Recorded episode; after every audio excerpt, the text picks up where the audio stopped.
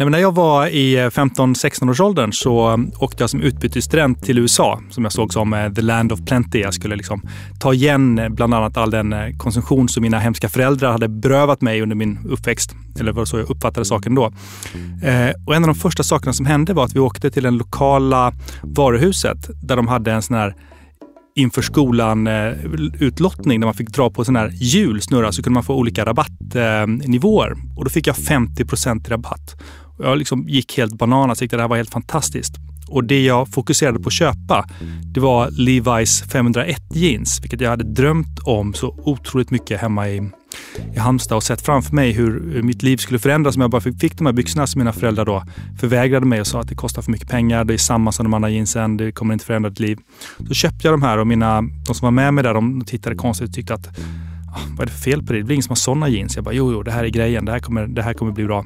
Så jag köpte på mig ett par olika par i olika färger och sådär. Sen gick jag till eh, skolan i dem och blev eh, inte uttittad eller utskattad, men jag insåg att ingen annan hade de här. Eh, och det var liksom mitt första möte med egentligen en annan kultur. Och det blev sån här totalt magplask. Där satt jag på, på fyra par eh, Levi's 501 jeans som jag hade drömt om och fantiserat om. Och de skulle förvandla mig till någon helt annan, till den där lite coolare snubben.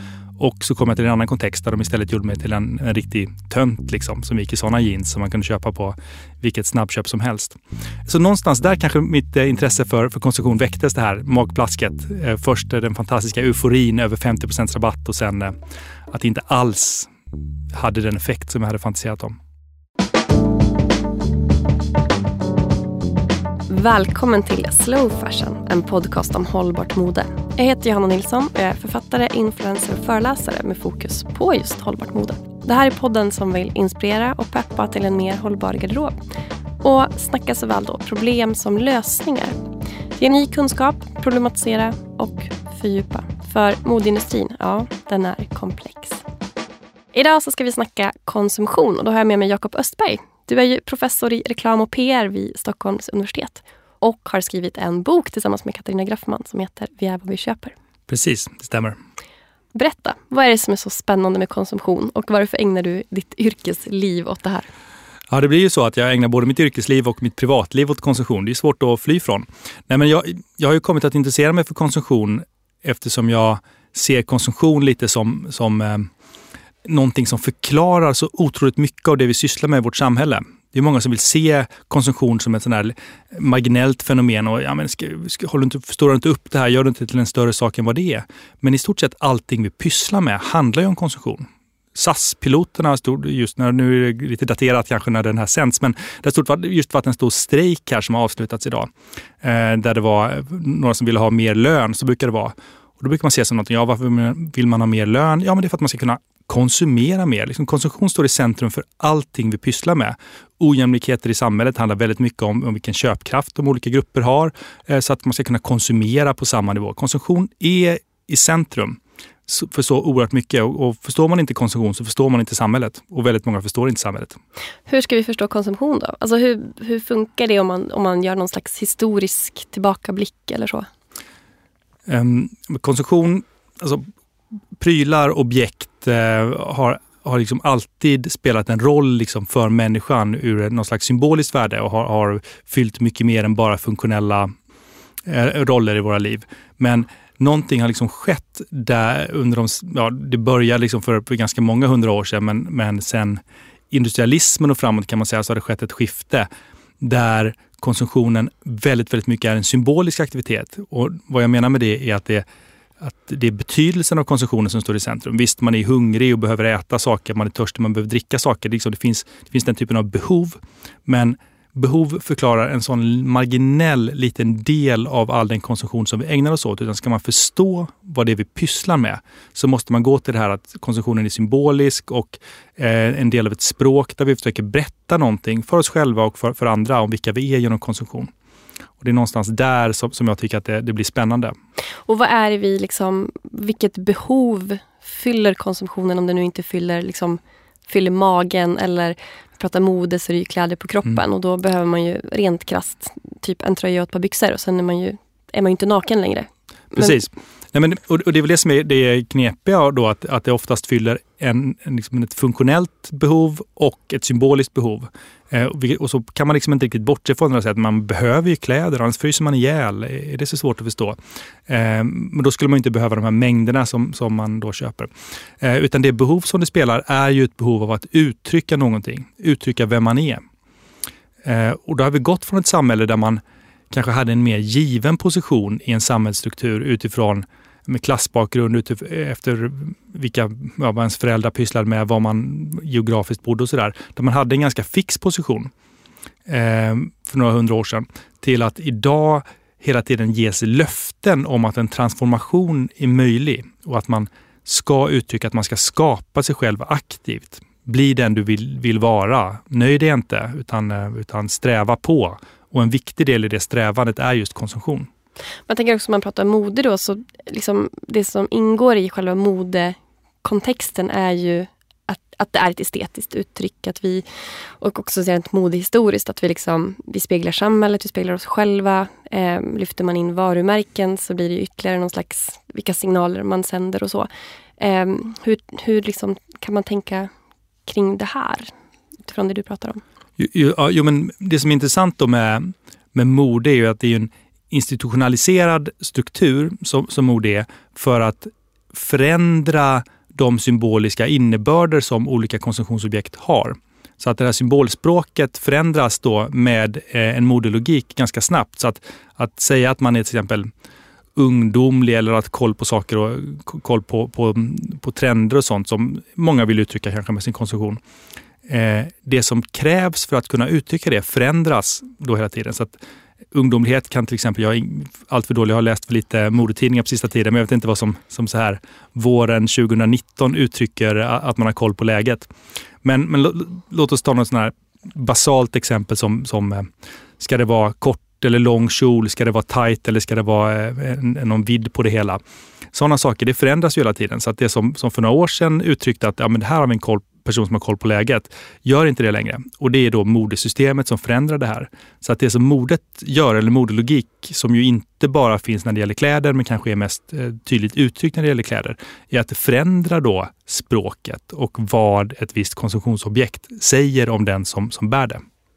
Och jag tänker också, jag tänker, men om man pratar just om konsumtion som eh, i helhet så att eh, du har uttryckt, eller har jag hört, liksom just att det bygger mycket på osäkerhet. Alltså att man fyller ett behov eller att vi konsumerar för att bli en bättre version av oss själva och att allt handlar egentligen om det. Precis, Vä väldigt mycket eh, marknadskommunikation eh, men även liksom det som skrivs i, eh, i eh, journalistik riktat till, till, att få oss att köpa mer saker och sånt.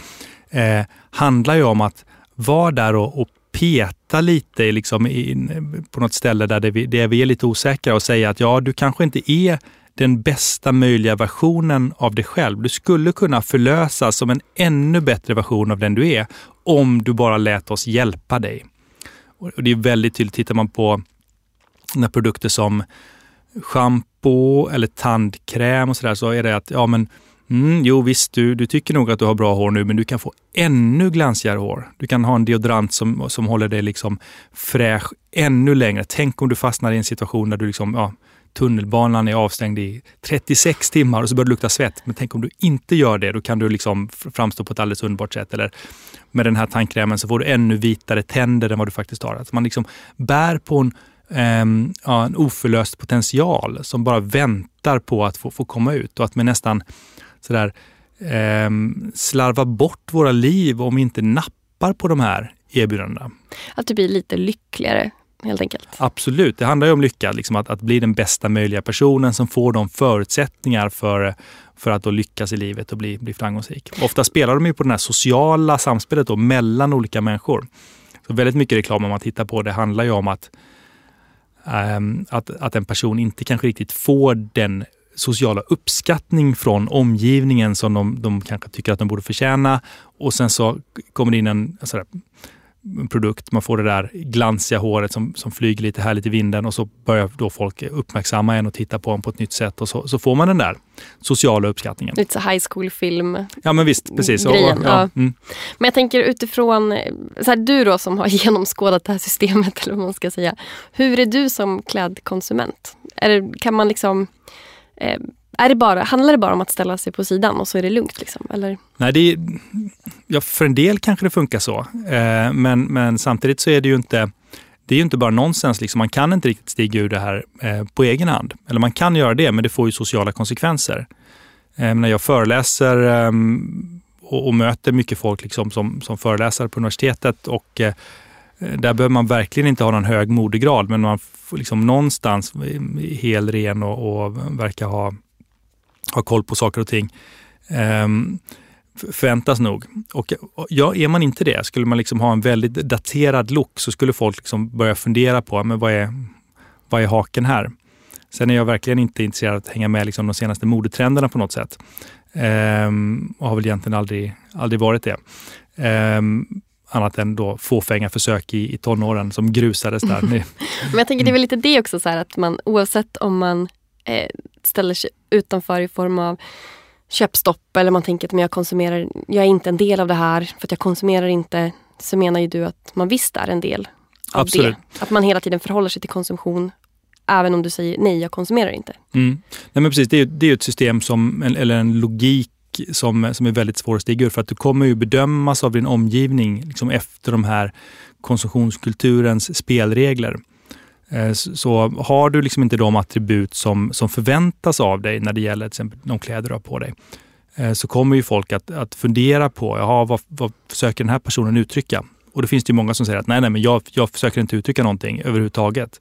Men man väljer inte eh, det själv, utan det är ju omgivningen som läser in och tolkar eh, Ehm, de signaler man sänder ut. Så att man kan liksom inte stiga ur det, det språket. Sen kan man ju strunta i det.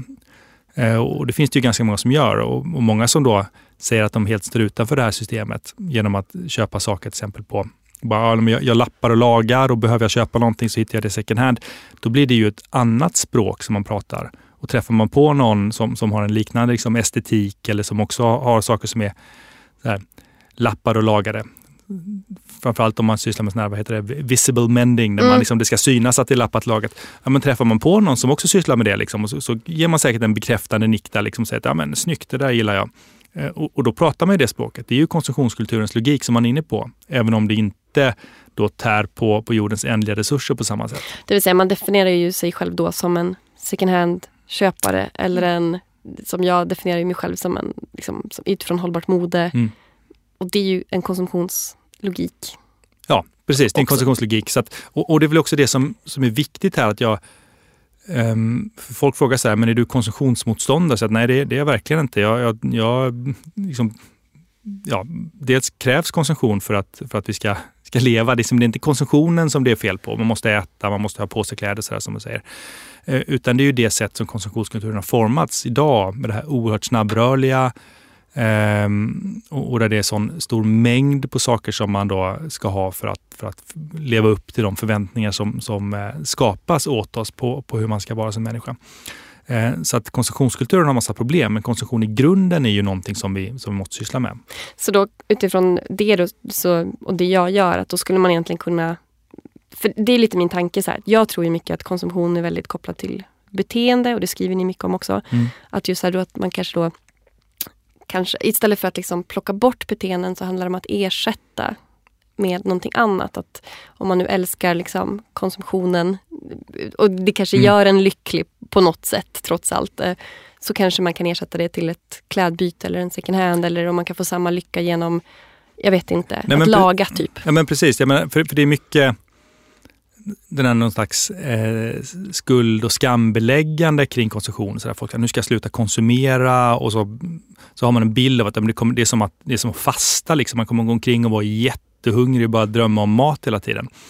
Men pratar man med dem som, som har gjort den här typen av resa, då, att, att till exempel sluta köpa kläder, om man köpt mycket kläder, så pratar de ofta om att ja, men det kanske finns någon period av, av abstinens och sen hittar man då nya sätt. Och att köpa, men hitta just den där rätt det, det är väldigt enkelt att köpa liksom, saker på en, eh, om, om, man snabbrörligt mode. Det är inte så komplicerat. Man, man går in i en affär och så har de inte det där så kan de kolla i datan var de har det och så går man dit och så kollar man och köper någon annanstans.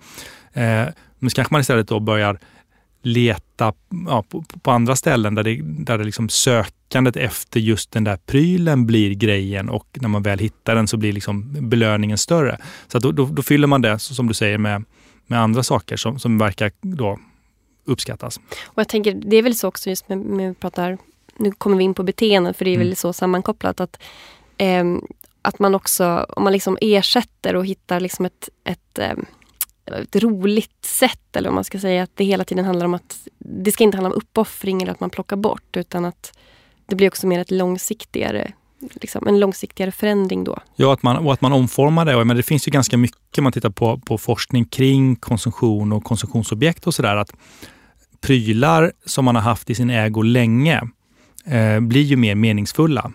Och också om man har liksom lagt ner någon slags mental energi eller tid på det. Så där, genom att till exempel lappa och laga eller putsa skorna. Det behöver inte vara så, så omständligt, men det, det är många som inte ens gör det. utan det, man, man använder dem och sen så när de blir liksom, eh, känns utslitna så ska man bara köpa nya. Man orkar inte ens hålla på och pyssla om dem. Men börjar man då pyssla om de här sakerna, bry sig om dem, där grooming som man pratar om Eh, med prylarna, då får man ett mycket starkare band till dem. Eh, och de färre prylarna som man faktiskt bryr sig om blir mer meningsfulla. Så man kan, om man leker med tanken på att meningen skulle då hållas konstant så blir det färre prylar som fylls med mer mening istället för jättemycket prylar som är väldigt, eh, har väldigt lite mening var och en för sig. Det där är intressant att du tar upp för att jag har upplevt det själv också. När jag föreläser om slow fashion så brukar jag ställa frågan mitt i eh, berätta för den som sitter bredvid dig om ditt mest värdefulla plagg. Och Eh, det som är så roligt då är ju, vi har den här liksom konsumtionskulturen kring mode. Men det är i princip aldrig någon som berättar om sitt liksom nyaste, trendigaste eller dyraste plagg. Utan alla berättar ju typ om tröjan man fick från sin farmor eller eh, ja, sitt livs roligaste sommar i de här par jeansen. Alltså det, är liksom, mm. det, att det är just relation och historia som är synonymt med värde. Och Det tycker jag är så himla spännande. Och Jag märker det själv också att är det saker som jag liksom har förvärvat genom antingen då eh, med en historia, att jag har liksom min, ja, men, någon har stickat det här åt mig. Eller om det är så att jag har liksom letat skitlänge för någonting eller att jag har lagat det och liksom puttat in massa timmar. Så är det mer värdefullt för mig. Men, och det som är så intressant är att vi har glömt bort det där tänker jag. Att det är liksom, vi, prat, sen fast, vi fastnar hela tiden i liksom att det här snabba och nya och mm. dyra. Att det är där värdet ligger. Och sen när man börjar prata med folk så... Ja, så visar det sig att, att det inte ens stämmer. Nej, Nej men precis. Och, och, där, jag tycker det är spännande att se bara liksom lite konsumtionshistoriskt. Det är ju inte så lång tid som, um, som att köpa nya saker har gett uh, status. Idag får man säga att i många kulturer så, så är det liksom status att ha en, en, ny bil eller nya kläder eller senaste grejerna. Men under lång tid så var det ju patina som gav status. Att visa att man hade haft sakerna under lång tid, att man hade liksom haft det ekonomiskt gott eller haft god smak under så lång tid. Liksom i, i, familjen kanske då när det gäller möbler och sådana saker. Att det köper man inget nytt utan det köper man um, för att ha på familje, liksom, familjehemmet under flera generationer. Det var generationerna dessutom kortare så det var lite enklare. Men, eh, men det skiftet har ju skett och jag liksom tänker ofta att man, om man kunde komma tillbaka till patina som någonting som man verkligen eh, värderade. Eh, det finns ju liksom vissa, vissa objekt där patina ses som viktigt. Menar, en, skinnjacka, den får gärna liksom ha varit med lite och, och sliten på rätt sätt och sådär. Och, och idag när folk eh, kanske lite mer i alla fall i, i vissa kretsar köper eh, jeans som, som inte är, är tvättade och sådär. Eh, så får de också någon slags patina där man då har dem på ett sånt sätt att man ser liksom bärarens eh, liv skrivs in i jeansen och sådär. Det, det, där har man ju fixat till på konstgjord väg. Liksom där, att, att, att man, någon, någon stackare har stått och slipat dem på en fabrik och fått eh, stenlunga.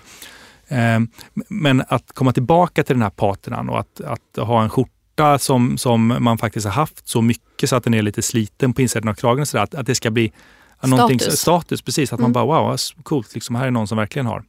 Eh, och ja, men ett par skor de blir bara vackrare och vackrare eh, om man sköter dem rätt eh, med åren till någon slags viss gräns. Men det finns liksom folk som hyllar eh, prins Charles eh, skor som han har haft i flera decennier som är lappade och lagade på ett väldigt eh, snyggt sätt. Och, och han har ju råd att köpa nytt. Han har precis, det är ju inte det, är inte det det handlar om utan mm. det är en helt annan inställning till det hela. Där, mm. där skomakaren är någon som har ett väldigt tätt förhållande till det som, som fixar det här. Liksom.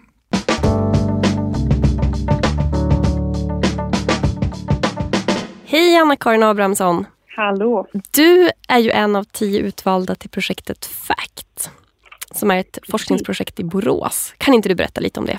Jo, det här är ett jättespännande projekt som heter FACT Movement som eh, jag är en del av. Och det är ju ett projekt som berör väldigt många olika områden egentligen. Men det handlar ju om att eh, ja, vi, en del som, en del som är ja, modeintresserade och eh, har en passion för kläder ska eh, kunna konsumera kläder på ett mer ja, men klimatsmart men också kreativt och, och kul sätt. För jag tänker alla ni tio som har blivit utvalda för projektet har ju ansökt. Vissa vet jag också blev ditskickade på grund av sin konsumtion. Så, ja. så att alla ni som sagt, ni har en stor liksom, modepassion men också en, en konsumtion som på olika sätt skaver hos er, vad man ska säga. Så har du känt lite grann också, eller hur? Ja, precis. Jag tänkte först när jag såg om det här så tänkte jag bara, åh det där skulle jag behöva. Men jag vet inte om jag, om jag klarar av det. Och sen var det en, en del vänner som, eh, som hörde av sig och tipsade och sa bara, det här, det här, det här är någonting för dig, det här borde du testa. Därför att jag, jag började prata, eller började tänka lite i de här liksom, banorna kring att jag konsumerar väldigt mycket kläder och kände liksom att nej men jag, alltså jag, kan inte stå, jag kan inte stå för det här sättet att konsumera kläder längre i takt med om att man får veta mer om också om hur, hur klädindustrin fungerar och men alla, alla led, vad det kostar, både på miljön men också liksom för människor.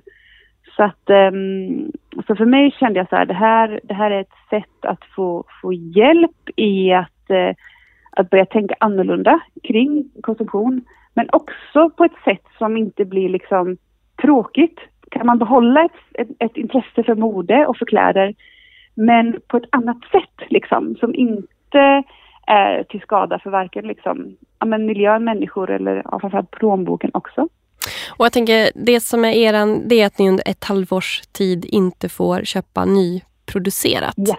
Ni har en träff i månaden och då får ni olika ja. verktyg till allt ifrån styling till att lära er shoppa på second hand till remake till alltså hela den här paletten av hållbart mode som inte inte är just på bekostnad av någonting annat. Precis. Och det är väldigt häftigt. Och några, liksom, några månader nu in i det här projektet, hur, hur har de här, dina tankar, har det förändrats dina tankar kring klädkonsumtion? Vad har du liksom för reflektioner eller slutsatser så, så långt? Ja, det finns ju massor att tänka redan nu. Alltså, för det första kan jag säga att det är inte särskilt svårt att konsumera fast att man inte handlar en nyproduktion. Det finns ju väldigt många sätt att, eh, att förnya sin garderob second hand. Liksom. Dels alla tjänster som finns liksom, på nätet men också av att utbudet av second hand-butiker har ju ökat väldigt mycket och också tillgängligheten tycker jag. Men man märker ju också hur utsatt man är för konsumtion hela tiden. Att, att vi lever i ett samhälle som, som uppmuntrar väldigt mycket till konsumtion. Alltså det bara räcker med att du liksom öppnar din mailbox varje dag och liksom hur många ja, men erbjudanden du har hela tiden av att liksom kunna konsumera saker till ett billigare pris. Så det, man har öppnat upp ögonen för hur lätt det är att konsumera och hur utsatt det är. Och också hur, hur socialt accepterat det är. Det är nästan som att man förväntas också eh, konsumera hela tiden. Att det är, är som ett sätt att leva. Liksom. Men är det som att du har fått på dig ett par nya glasögon när du börjar se liksom, ja, alla de här ja, sakerna? men verkligen. Det är inte så svårt att avstå från konsumtion så jag känner min utmaning blir så här att också fundera, alltså ta ett varv till så här, att fundera på varför konsumerar jag liksom? Vad finns det för grundläggande behov egentligen i det här? Eh, kan man tillfredsställa det på andra sätt? För att jag menar, man kan ju, man kan ju fortsätta handla second hand men ändå ha ett osunt förhållningssätt till konsumtion. Så det är det jag tycker är spännande liksom med det här projektet också, att det handlar ju både om en, en förändring i att konsumera kläder på ett annat sätt men också om att börja reflektera över sin konsumtion överlag och att liksom få till en beteendeförändring där man börjar se så här, okej, okay, men, men, men vad är det här för grundläggande behov vi har? Kan man tillgodose det på andra sätt genom att vara kreativ liksom? Och eh, att få syn på också konsumtionsmönster man har som inte är så sunda. Till exempel att man kanske shoppar mer när man är, ledsen eller när man är stressad eller nervös eller, eller att man har ett behov av perfektionism eller ja, sådär, att, att få syn på. Sen så tror inte jag, det är inte fel att konsumera, men just det här att, att börja göra mer medvetna val. Liksom. Att ställa sig eh. lite, att få lite distans ja, till det. verkligen. Ja, verkligen få distans och liksom börja ställa frågor till sig själv. Så här, men va, varför konsumerar jag och vad är det som ligger i det här? Liksom? För det, det finns ju många som, när jag läser lite om det här så, eh, så menar man att det finns ju väldigt liksom, etablerat, alltså, att människor har ett shoppingmissbruk. Men det är väldigt svårt att komma ur det därför att det är också status att liksom, ja, men ha vissa prylar, ha vissa kläder och sådär. Ett andra typ av missbruk kanske inte lika statusbetingade och kanske lite mer synliga som ett missbruk liksom, av konsumtion. Men när det gäller liksom, ja, men, ja, framför allt liksom, det som ger oss identitet och attityd och skapar varumärken kring våra liv så är det som att vi tänker att ja, men då, då är det liksom no limits här. Men, och det tycker jag är väldigt intressant att fundera på liksom, de psykologiska perspektiven i det här. Liksom. Att, vad gör det med en människa när man begränsar sin konsumtion och när man börjar fundera över sina mönster och, och sitt beteende i det. Herregud vad svårt det är att ändra sitt beteende. Ett konkret exempel då, som jag har gjort, det är att jag jobbar i Göteborg och då så går jag oftast genom stan på vägen och till jobbet liksom. Och då går man ju förbi skyltfönster och det väcker ju liksom så här, ja men ett harbegär och så. Men jag har börjat faktiskt att ta vägen genom trädgårdsföreningen istället. bara för att liksom avleda så här mina tankar. Och det är en så här jätteliten grej men bara vilken stor skillnad det gör. Det är att typ avregistrera sig på nyhetsbrev och alltså just ja. att att inte utsätta sig för de här ja. sakerna. Men tack snälla för att jag fick prata med dig Anna-Karin. Och du, ja. Det här Fact Movement hittar man ju på sociala medier.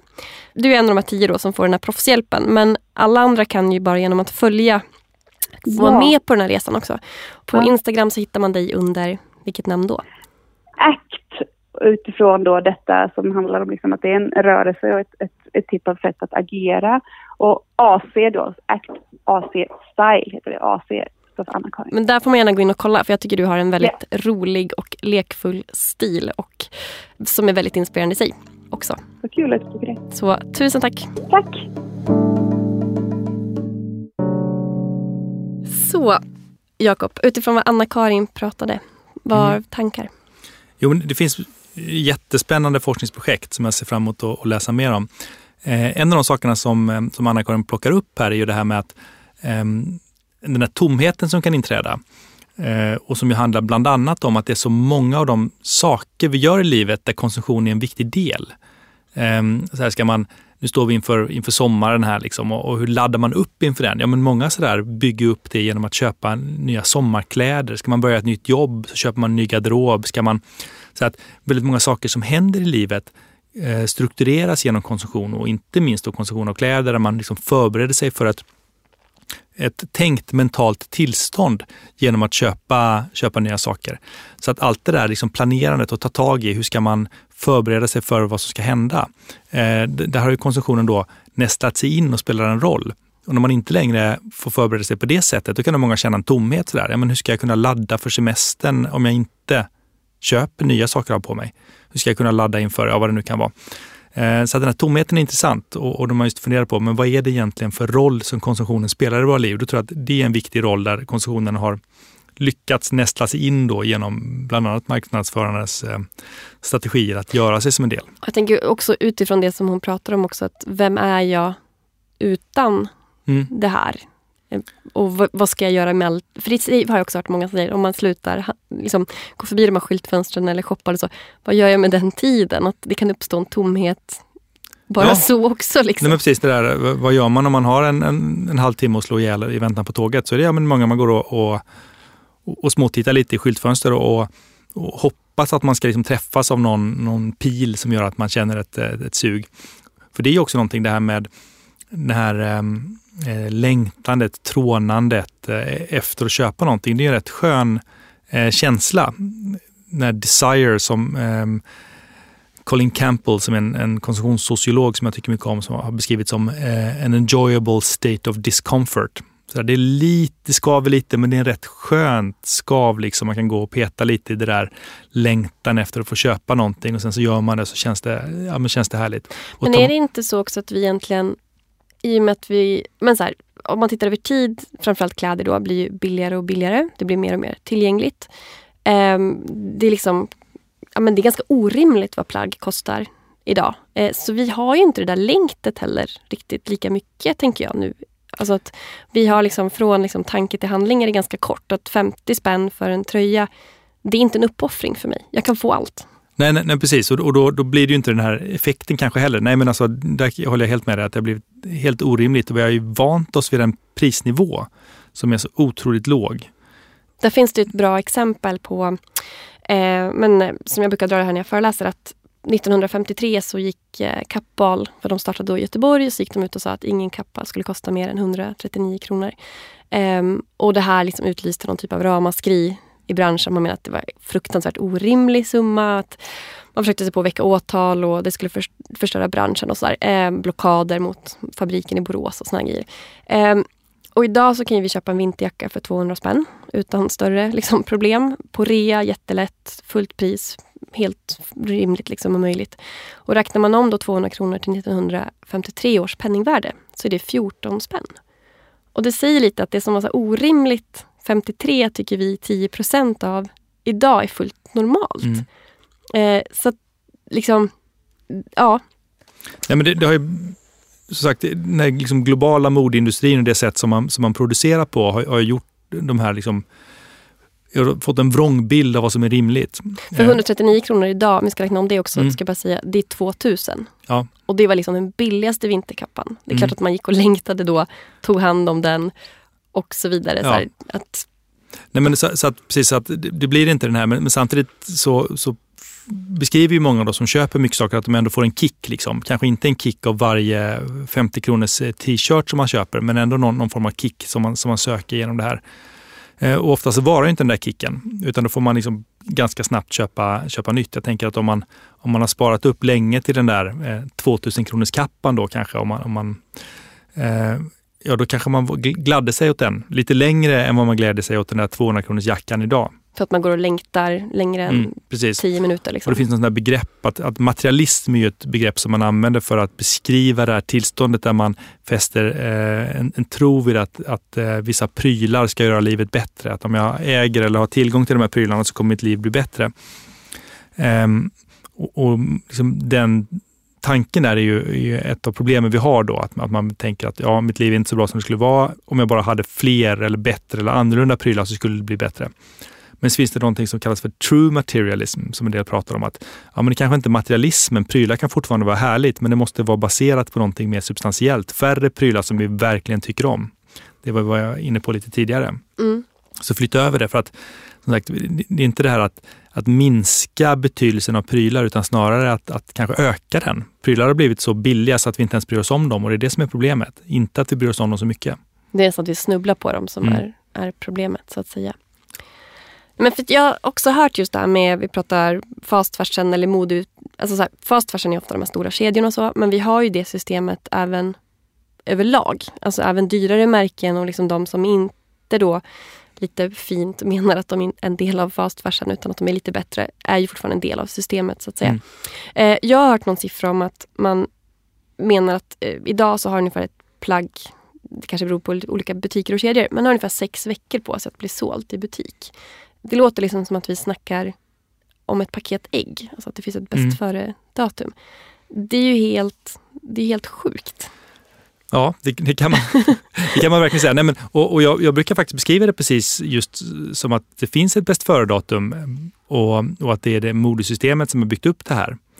För att varför man slänger ut eh, plaggen är ju inte för att de har blivit utslitna, utan för att bäst före-datumet har gått ut. Hemma i garderoben också Hemma, ja. hemma mm. i garderoben då. Och, och, och för det här var ju butik ja, som man har sex veckor. Men har de inte ens kommit in i, i, i garderoben efter så lång tid, inom citationstecken, det är ju inte långt egentligen, eh, Ehm, ja, men då har de då tappat sitt symboliska värde. För det är just det här att då, då, uttrycker de inte längre det som de var tänkta att uttrycka. Alltså den här väldigt, väldigt momentana nu är det här coolt, nu gäller detta. Om jag, om jag sätter på mig det här just nu, då sänder de ut de signalerna om vem jag är som, som gör att jag får den respons från omgivningen som jag vill få.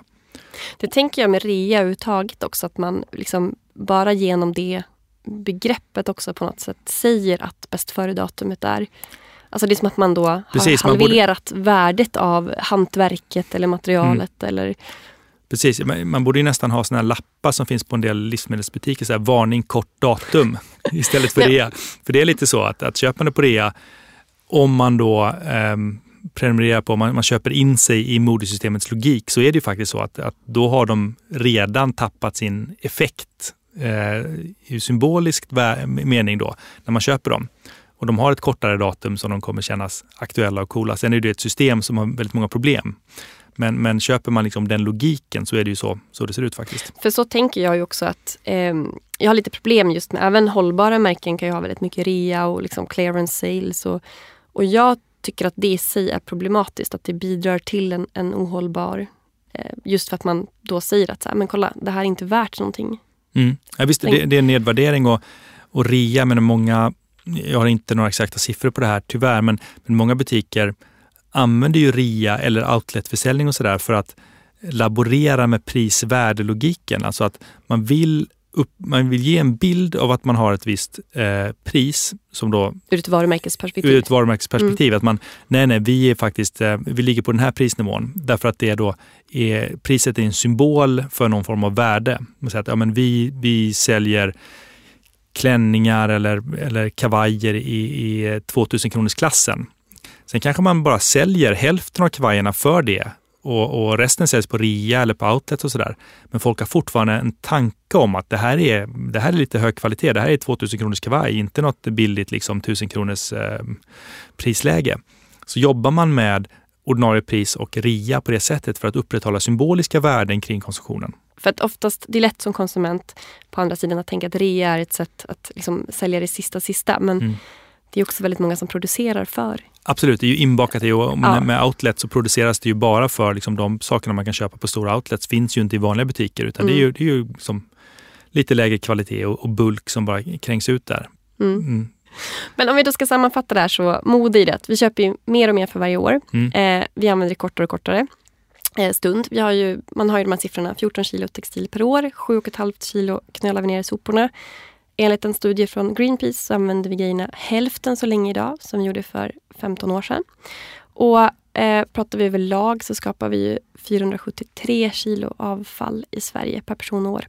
Och om vi då jämför det mot 20-talet så snittade vi på 30 kilo. Och det här då, mängden avfall brukar man mena är en tydlig korrelation mellan ekonomiskt välstånd eh, och, eller ja, ekonomiskt välstånd och mängden avfall. Mm. Det finns en tydlig korrelation Precis. mellan det. Mm. Det vill säga konsumtion. Har jag förstått det rätt då? Vi har lite för mycket pengar. Ja, så kan man verkligen säga. Det. För mycket pengar. Eh, saker är för billiga, generellt. Precis, jag menar, vi, kanske inte då att vi har för mycket pengar utan saker är för alldeles, alldeles för billiga.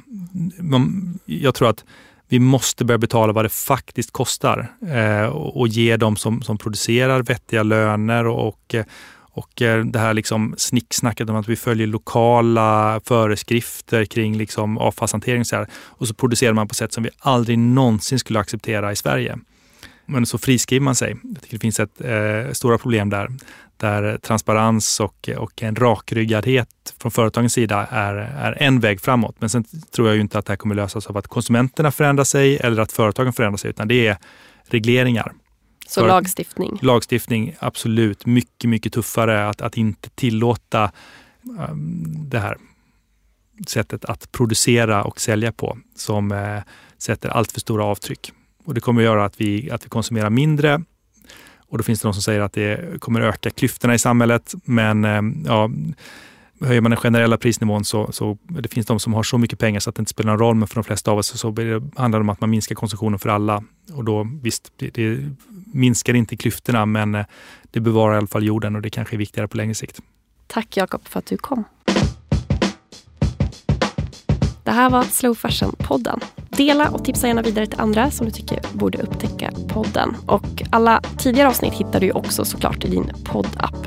Vi hörs vidare på slowfashion.nu och på Instagram på Johanna N. Sve. Tack för att du lyssnade.